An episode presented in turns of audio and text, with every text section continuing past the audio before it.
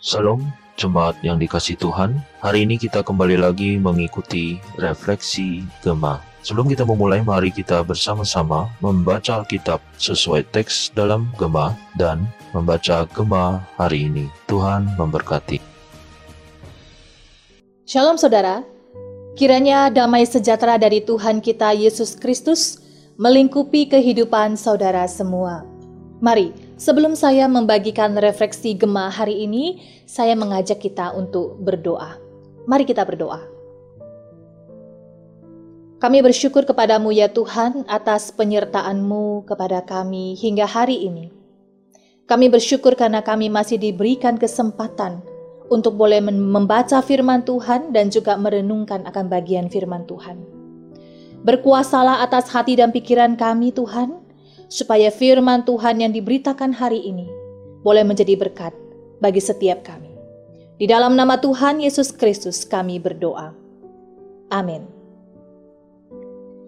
Sedang terkasih, bagian firman Tuhan yang akan saya bacakan untuk kita semua hari ini adalah dari Injil Matius pasal yang ke-8 ayat yang ke-23 sampai ayat yang ke-27. Matius pasal yang ke-8 ayatnya yang ke-23 sampai ayat yang ke-27. Demikian firman Tuhan. Angin ribut diredakan. Lalu Yesus naik ke dalam perahu dan murid-muridnya pun mengikutinya. Sekonyong-konyong mengamuklah angin ribut di danau itu, sehingga perahu itu ditimbus gelombang. Tetapi Yesus tidur. Maka datanglah murid-muridnya membangunkan dia, katanya, "Tuhan, tolonglah, kita binasa." Ia berkata kepada mereka, "Mengapa kamu takut? Kamu yang kurang percaya?" Lalu bangunlah Yesus menghardik angin dan danau itu. Maka danau itu menjadi teduh sekali. Dan heranlah orang-orang itu katanya, "Orang apakah dia ini sehingga angin dan danau pun taat kepadanya. Saudara yang terkasih dalam Tuhan, kisah mengenai Tuhan Yesus menenangkan badai di dalam bagian yang kita baca ini adalah salah satu kisah yang paling sering dikotbahkan di gereja-gereja semasa pandemi ini.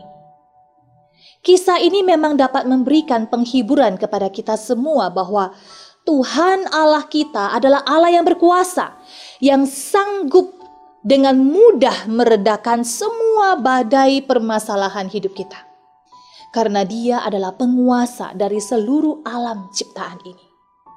Dan oleh sebab itu yang kita butuhkan adalah percaya bahwa dia akan menolong kita. Namun saudara terkasih yang menjadi masalah dengan pemahaman seperti itu adalah bagaimana jika ternyata Tuhan mengizinkan badai itu tidak kunjung usai. Padahal di saat yang sama kita tahu bahwa Tuhan dapat dengan mudah menghapuskan seluruh permasalahan kita dan membuat hidup kita seperti ada di air yang tenang. Bukankah mudah saja bagi Tuhan? Dalam keadaan demikian, apakah kemudian kita akan meragukan kuasanya? Ataukah kita meragukan kasihnya kepada kita? Lalu, apa sebenarnya pelajaran yang bisa kita petik dari kisah Tuhan Yesus yang menenangkan badai ini?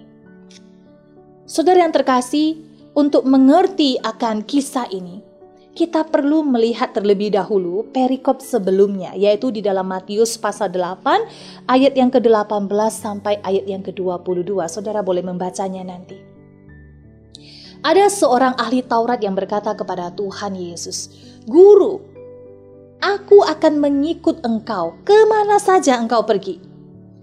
Tetapi Tuhan Yesus menjawab, "Serigala mempunyai liang dan burung mempunyai sarang, tetapi Anak Manusia tidak mempunyai tempat untuk meletakkan kepalanya."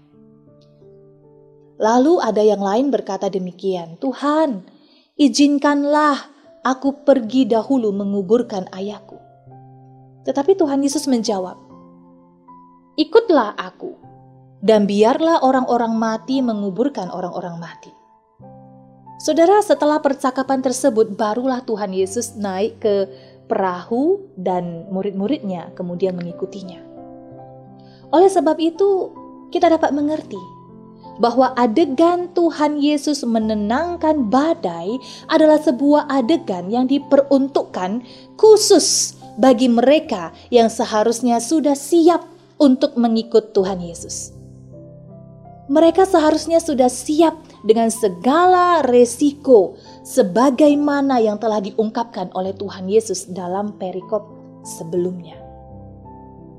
Namun ternyata badai di danau Galilea membuat mereka sangat ketakutan dan kehilangan iman percaya mereka. Itulah sebabnya Tuhan Yesus kemudian dia bangun dan menegur mereka dengan berkata, "Mengapa kamu takut? Kamu yang kurang percaya?" Lalu Tuhan Yesus menenangkan badai itu. Badai yang sesungguhnya bukanlah ada di Danau Galilea. Badai yang sesungguhnya ada di hati para murid yang rupanya tidak sepenuhnya percaya kepada Tuhan Yesus. Saudara yang terkasih, mengikut Tuhan Yesus membutuhkan kepercayaan penuh kita kepada Dia.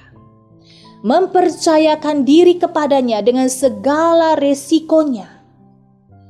Badai permasalahan hidup mungkin akan Tuhan izinkan terus ada di dalam hidup kita. Tetapi, sekiranya Tuhan berkuasa atas hati dan jiwa kita, sehingga kita bisa tetap tenang berjalan bersama dengan Tuhan menjalani kehidupan ini.